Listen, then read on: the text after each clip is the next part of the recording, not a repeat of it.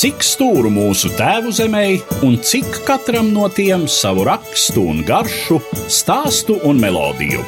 Raidījumu ciklā Stūru stūriem es, Eduards Liniņš, pieskaros Latvijas vēsturisko zemju un kultūru vēsturisko teritoriju identitātei, sarunās ar šīs identitātes zinātājiem un kopējiem.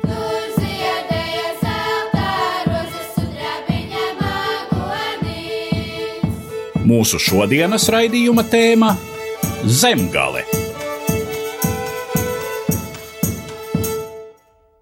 Labdien, cienījamie klausītāji! Raidījumu ciklu Stūru stūriem es uzsāku ar sarunu par zemgali.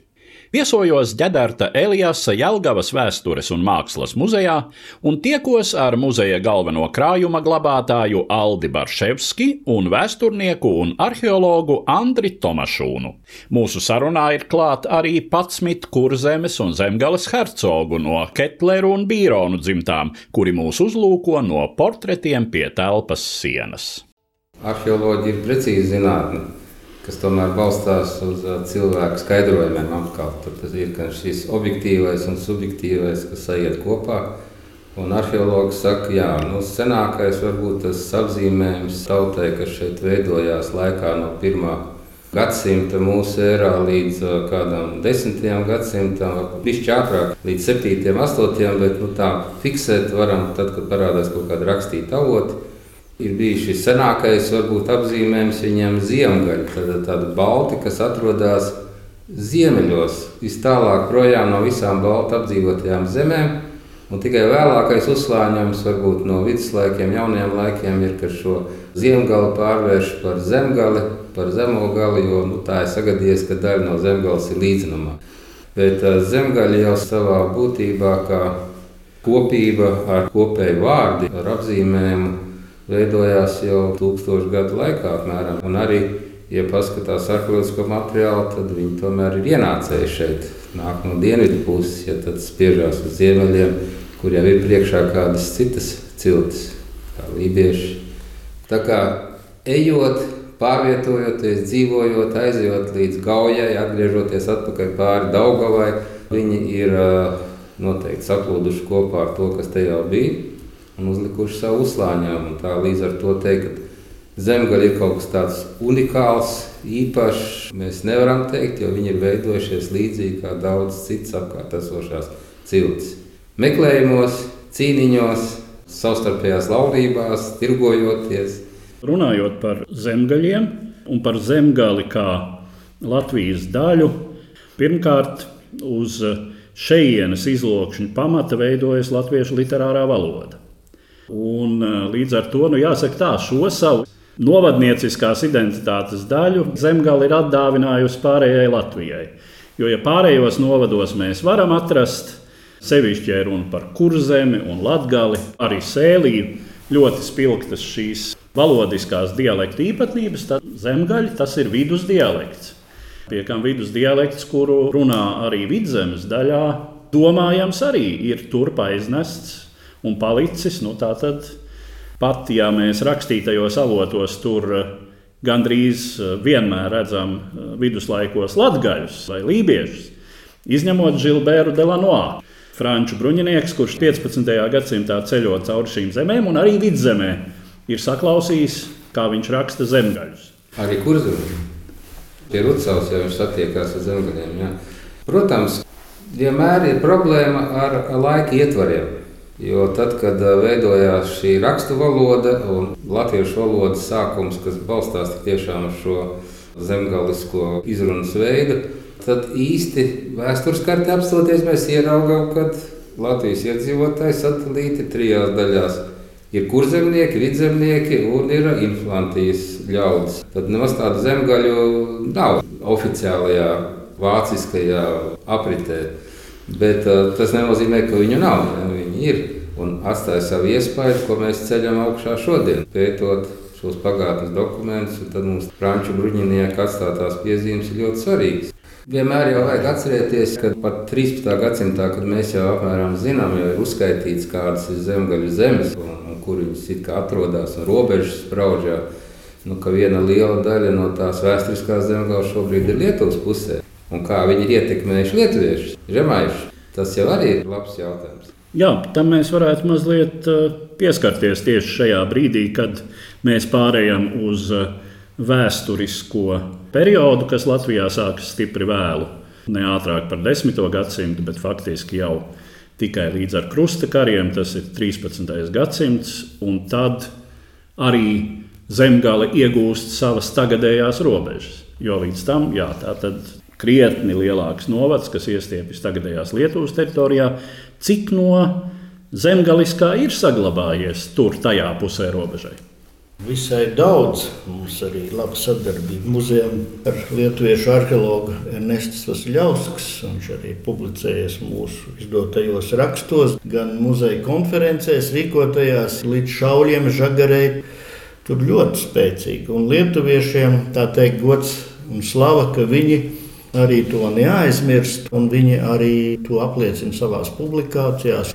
Tā kā tur ir ļoti lieliska sadarbība, un daudziem cilvēkiem ieteiktu arī to pastudēt un palasīt. Jā, es noteikti pieminētu arī Nestas Vasiljovskis. Viņš brīnišķīgi latviešu un lietuviski zina un ir ar radiem Latvijas pusē. Manā kā cilvēkam, kas savos senčos atrodas saknes Lietuvas pusē, man liekas, no šīs zemgaliskās pieskaņas tiem latviešiem, kas dzīvo Lietuvas vienā vai otrā robežas pusē. Man liekas, vienmēr tāds liels brīnums ir, kā latvieši tajā pusē saglabājuši to savu latvietisko, kas nāk no tiem zemgaļiem. Un pateicoties Ernestam, mēs te vairākus gadus ar Gunti Zemīti apceļojam piemiņas vietas, jo ir taču pilskalni, ir kapulauki, kas ir pētīti, un jūs varat braukt pa Lietuvas viņa pusi, sākot no akmenes līdz jaunišķiem šauļiem, žēmei. Un visur atradīsiet burvīgus zemgaļu arheoloģiskos priekšmetus, kas atrodas muzejā. Un, uh, es tā vienmēr kauninu mūsu puses ļaudis, ka zemgaļu muzejs ir žēmē. Ja? nav Jālgavā vai nav, nav kaut kur pabītē vai, vai es nezinu, kur vēl kādā robežas punktā vai centrā, bet atrodas tur. Un mūsu pusē tāds pašvaldības valsts muzeja zemgaļiem nav. Bet tā ir zemgaļa vaina. Tā nav valdības, tā nav valsts vaina, tā ir mūsu paša. Nu, te man liekas, atkal kaut kur parādās tas moments, ka zemgale ir te jau visvairāk identificējama ar to, kas ir Latvija kā tāda. Valoda, tradīcijas tuvums Rīgai kā lielajam centram Un to zemgalisko, to specifisko ir grūti, tā vismaz tādā populārā līmenī, ir pagrūti notvert vispār. Skatoties uz vēsturi, sākas Livonijas laiki, un te ir nu, viens moments, kas laikam šobrīd ir jau diezgan skaidrs, ka šī zemgaļu izceļošana tā nebija visdrīzāk ļoti masveidīga parādība.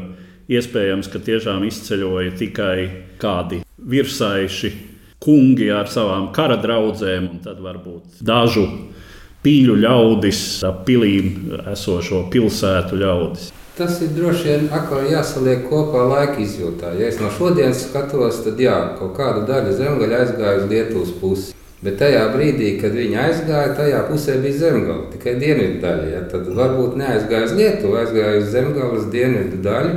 Nu, kā tas bieži notikās tajos laikos, tev spiežās kāds pretinieks virsū, pamet savu zemi, paiet viņš tālāk. Un tā arī varbūt šī gadījumā tas ir noticis. Būvju pilskalns, kas atrodas no Jālgavas vismaz kilometri 60, 50. Un tur pētījumi rāda, ka tas ir zemgājas pilskalns, bet viņš tur ir parādījies tikai 13. un 14. gadsimtā, tad, kad jau notiekās krustnešu cīņas ar vietējiem ļaudīm un iztaigā ne tikai zemgājas, bet Lietuvas puses. Ir jau jāapstāsta arī, kur šis milzīgais zemgāļu izceļošu skaits parādās. Tā ir sūdzība. Tad, kad uh, griežās pie Romas pāvesta zemgaļu sūtņi un saka, ka Rīga un, un ordenis un arhibīskapī viņus spaida un neievēro noteikumus. Un iespējams, ka ir pārspīlējums tieši tāpēc radies. Bet tas, ka arheoloģiskais materiāls rāda, ka zemgāļi dzīvo arī pēc dobeles, tervetes, zemgāļu piļu nodedzināšanas, tas ir neapšaubāms. Tas jautājums, kāpēc eh, šī zemgāles robeža izveidojas tur, kur tā izveidojas? Faktiski tā robeža veidojās līdz 15. gadsimta vidum, līdz 421. gada līgumam. Tur bija jau Livonijas jautājumi, viduslaika tradīcijas. vienošanās. Un interesanti, ka arī Pīlēnsteins, kad piedalījās komisijā par Latvijas robežām, lielisks raksts mums ir mūsu arheoloģija Zentai Brokai Lācē par šiem robežu akmeņiem un robežām. Tad, Acīm redzot, tur bija vairāk politiski jautājumi, arī lai norobežotos ar Lietuvas valsti. Un sakārtot attiecības, un arī uz iepriekšējo jautājumu atbildot, var teikt, ka zemgaļi arī varbūt atgriezās un staigāja šurp turp kopā ar lietuviešiem. Kaut vai pēdējo reizi pie Jālgavas ķēstutis eh, siroja ap 1345. un 70. gadi bija pēdējie iebrukumi. Un pirmā pilsēta krustneša visticamāk uz salas bija koka. Un tikai mierīgākos laikos viņi varēja mūru pilsētu celt. Kā tas bieži bija ordeņa zemēs, un ne tikai arī arhibīskapā. Tāpēc tātad šie zemgaļi varēja arī atgriezties, aiziet. Tas ir teikt, viens no sarežģītākiem jautājumiem Latvijas vēsturē tieši par šo zemgaļu. Visilgāk pretojās krustnešiem, sacelšanās cīņas, aiziešana uz Lietuvu un ne par velti. Es vairāk esmu specializējies jauno laiku vēsturē. Šos jautājumus mēs atstājam arheologiem un viduslaiku speciālistiem, kas vislabāk to pārzina. Kas attiecās par robežām? Atkal es domāju, ka dokumenti jau mums labi parāda. Lietuvas kunigaiši, lielie dižie vīri uzskatīja zemgali par savu zemi. Tad 13. gadsimtā ir noticis kaut kas tāds, ko mēs rakstavotos īsti nevaram atrast. Kad zemgales zemes ir vienojušās ar lietuviešiem par kopēju būšanu, droši vien cīņā pret krustnešiem, varbūt vēl kādiem kaimiņiem. Bet tad, kad krustnešiem izdodas ienākt zemgālē, tāpēc lietuvieši jau 150 gadus pēc tam, kad jau ceļa ordeņa pilis Tērvetē un, un Jālgavā un Dobelē, nāk ar kariem šeit. Jo viņi nāk atgūt savu zemi, ja, ko uzskata, jo tā arī titulā rakstā. Kad ir arī zemgājas lielkņas vai diškunīgais. Un kā zemgājiem šeit rīkoties, uzvesties, nu viņi iet ar savu, savu senioru kopā. Ja. Protams, ka robežu spraušana ir jau politisks līgums. Zemgale vairāk kārt, un tā pēdējā robeža, ko mēs šodien redzam, ir Latvijas-Lietuvas robežā, īsti neatbilst. Sākotnēji krustnešiem izdodas vēl pār 20 km dziļāk dabūt zemes kas vēlāk tikai tiek atgūts atpakaļ uz šo pusi, pastumjot robežu. Un to izmanto Latvijas-Lietuvas robežas spraušanas laikā kā nopietnu argumentu, ka tā ir kādreiz bijis. Mans tēvs, vecais tēvs, nāk no Ugru pagasta, kas līdz Latvijas valsts dibināšanai bija Kaunas gubernijā. Un cilvēki brauca, gāja, runāja un teica, nu, ka latviešiem jābūt pie Latvijas, nevis uz to pusi. Bet tajā pašā laikā mans vecās mātes senči guļ Eltišķos, ja, kas ir pie akmens Lietuvas pusē. Un tur stāv latviešu baznīca vēl šodien. Tā kā visiem tas neizdevās, ja tajā robežā būšanā, kad politika ņem virsroku, bet uh, sadarbība, apmaiņa, nākšana, darbošanās. Teiksim, Valdemārs Strīds jau ir pazīstams cilvēks, kāds ir nāk no Lietuvas puses latviešiem. Vai mēs varam kādā zemgaliešu raksturā saskatīt vēl kādas atbalstis no šiem vairākiem gadsimtiem, kad faktiski zemgale ir jāsaka, starp Veseri un Laktu, starp Rīgu un Lietuvu. Tie ir vairāk gadsimti. Tiem vietējiem iedzīvotājiem jau nu nekāda medus maize vis tā nebija. Šī pastāvīgā robežu pārvilkšana ar militāru spēku pamatā. Un tās robežas vietu jau lielā mērā noteica tas, cik ilgā laikā no Rīgas šurp varēja pārsviest tā sacīt vajadzīgos papildus spēkus. Nu, faktiski tas ir tā kā dienas jāienas apmēram. Nu, vēsturiski jau pirmais ceļš Jālgavas pilī ar Rīgu ir pa lielupiem, tātad ar līkumu. Zemes ceļš arī iet pa priekšu uz jūrmālas pusi un pēc tam pa kāpām uz Rīgu. Tādu kārtīgu ceļu cauri purviem jau uztaisīja tikai 19. gadsimtā. Jā. Līdz tam jau jāiet ar līkumu, vai ar otru pusi, tur kaut kur caur ogles pusi, kaut kur tur, kur var tikt pāri Daugavai. Es domāju, ka viena no tādām lietām, ko arī rakstnieki ir apdzīvojuši 19. un 20. gadsimtā, man liekas, arī vēstures avots liecina, tas ir kaut kāds lepnums, tāda spītīga lepnība. Nu, paņemsim piemēru. Tērvete padodas krustnešiem, slēdz līgumu, ja, bet sākās atcelšanās tikai tāpēc, ka krustnesis viens iesit vadonim pa sevi, ja, sākās kautiņš. Rezultātā aiziet uguns pakulās. Ko Krusnešs izdarīja zemgalē pēc šiem visiem notikumiem, mācoties sarunās pie mežotnes, uzaicina uz zīrēm un nogalina labiešus, tos vadītājus, kas ir rāda, ka nav tāda viena vadoņa, bet ir uh, daudz cilvēku, kas ir spējīgi būt par vadītājiem, un katrs savu saimi vada un spēj vienoties, ka kaut kādas kopējas lietas jādara. Piektā gada revolūcija arī, nu, liekas, zemgāla tik turīga, bet cik pils nosilināja šeit. Atkal spītība kaut kāda. Un, kad paskatās uz 5. gada revolucionāriem, ka liela daļa no viņiem ir turīgu zemnieku dēli, tie nav kaut kādi nabagi, kas tur. Tā kā es domāju, ka tā ir viena no tādām īpašībām, ko gan man liekas, jebkura tauta teiks, ka viņi ir pietiekoši spītīgi un lepni. Ja? Bet es šeit kā tāds fakts varu pavilkt ārā, kas to apliecina savu zemes vārdu nosargājuši. Viņš ir saglabājies. Viņš jāredz, kā sērijam tur jācīnās. Nu, jā, var piebilst arī, kā personīgi mūsu pirmais prezidents Jānis Čaks varbūt reprezentē zemgaliešu raksturu stāju. Reizē arī prakticismu, un es pat teiktu, diplomātisks, lielas spējas. Tātad varbūt tas būtu viens no tādiem labiem piemēriem.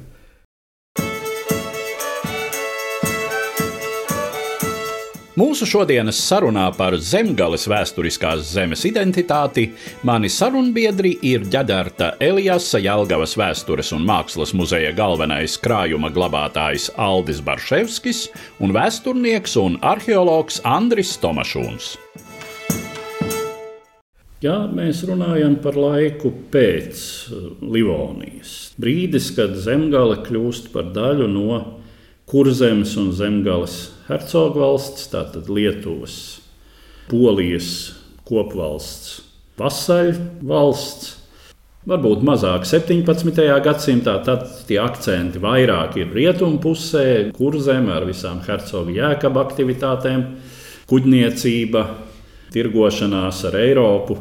Lai gan droši vien zemgala savukārt kā izēviela avots ir ļoti nozīmīga, bet te vairāk ir tā 18. gadsimta hercogu valsts, kur eh, zemgale pamazām kļūst par tādu pieturpunktu un vienlaicīgi tādu traktu, caur kuru notiek kustība starp Rietumē Eiropu un jauntapušo Krievijas impērijas lielo centru Pēterburgu. Ja, tad šeit ir visi šie stāsti par caurbraucējiem, kāds pamet savu mēteli Jelgavā, Kazanova un cits uzceļ pāris pilis. Visi glēbi Jelgavā ir bijuši. Tas droši vien ir tādas divas pretpolu lietas, ka šī tirzniecība, ceļošana, kuģniecība, pilsētu attīstība, manufaktūra veidošanās, kas ir ekonomiskās politikas ļoti svarīga lieta.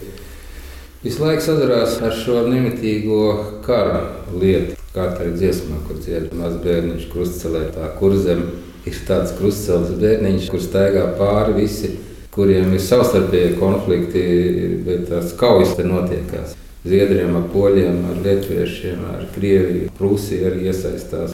Un līdz ar to kari uzreiz ir slimības. Un es domāju, ka lielāko ļaunumu tieši zemgālē un zemgāliešiem ir nodarījušas šīs kara slimību lietas, kad viena daļa vienkārši fiziski iznīkst. Un tad viņas ir jāizvieto, un mēs redzam, ka zemgālē ievada krieviņas pie Bauskas, Lotas, no Somijas piekrastes. Tā kā notiek šī cilvēku pārvietošana, lai varētu aizpildīt šo zemniecisko robu, jo nav kam strādāt, ja rokas trūkst. Bet kas varbūt ir interesantākais, es nevaru tik daudz par to seno viduslaiku vai jauno laiku vēsturi pateikt. Bet uh, otrais pasaules karš atkal zemgalieši dodas bēgļu gaitās, paliek tukšas mājas. Bet interesanti ir novērot to, ka daudzās vietās ienāk citi cilvēki. Pat ne, ne latvieši. Tagad ir pagājuši gandrīz jau 80 gadi, kā kari beigušies pēdējie. Un tu redzi, ka tā zeme ir ar īpašu spēju, ka viņi paņem tos cilvēkus, kas ienāk un mazliet piespiež kļūt par zemgaliešiem, par tās zemes dzīvotājiem. Vienīgi, protams, ir pārāms kādreiz ar to vēsturisku atmiņu, ja, kas tur kādreiz ir bijis. Redzam, ka jauns saimnieks iebrauc savā tūkstošu hektāru laukā un ar traktoru izarkāts vecus kapus, kurš viņš vienkārši nezināja, ka viņi tur pārdodot šo zemi, viņam to nepasaka nav kā vairs pateikt. Bet tā zeme liek tiem cilvēkiem pielāgoties un pieņemt daudzas lietas, kas varbūt tur ir bijušas. Es tikai viņas reizēm nevaru noformulēt tieši, kā tas izpaužās, bet tas tā notiek. Kāda nozīme savukārt ir bijusi šim Rīgas tūmam? Jo nu, Rīga tepat jau līdzās ir, bet nu, tomēr Jēlgava izveidojas arī kā tāds nozīmīgs centrs. Un varbūt tiešām tikai pēc otrā pasaules kara zināmā mērā Jālgava kļūst par tādu mazliet attālinātu Rīgas priekšpilsētu. Bet līdz tam ir tomēr sava identitātes apziņa, ir sava īpatnēja kultūra vide. Kas ir tie elementi, kas šo veido?